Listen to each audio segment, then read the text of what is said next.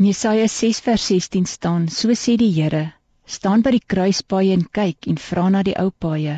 Vra watter pad die beste is en loop dit, dan sal jy rus vind. Maar hulle het gesê: Ons sal nie daardie pad loop nie. Paaie en reis is deel van die lewe. Wanneer ons met vakansie gaan, is die reisbeplanning 'n integrale deel daarvan. Om daar te kom, raak nou vir baie mense deel van die vakansie.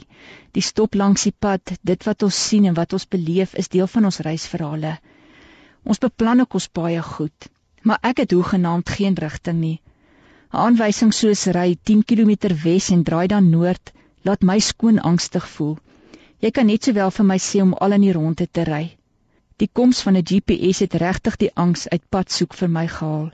Ek luister na daardie blikstem. As sy vir my sê draai regs en draai dan links, dan stry ek nie.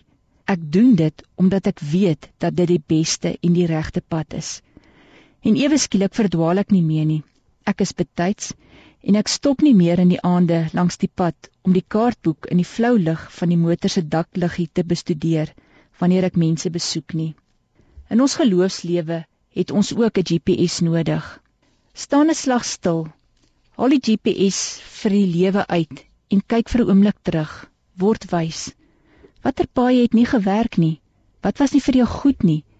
En het jou in 'n slegte situasie laat beland? In die gewone lewe sou jy sulke paaie vermy. Vermy sulke paaie langs die lewenspad.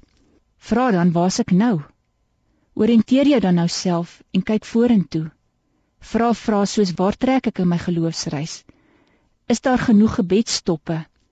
Vir wie of wat maak my sterk? Kry ek my krag op die regte plek? Is ek fyn genoeg ingestel op God se wil? Wat is my innerlike bronne? Kyk dan vorentoe. 'n GPS is net handig as jy die korrekte adres intik.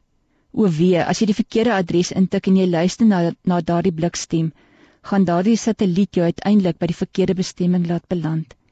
Jy moet weet waarheen jy wil gaan. Beplan jou dag en jou jaar in afhanklikheid van God stel jou op sy satelliet in. Dalk het jy nodig om 'n groter geloofspad te stap, dalk 'n pad van vergifnis.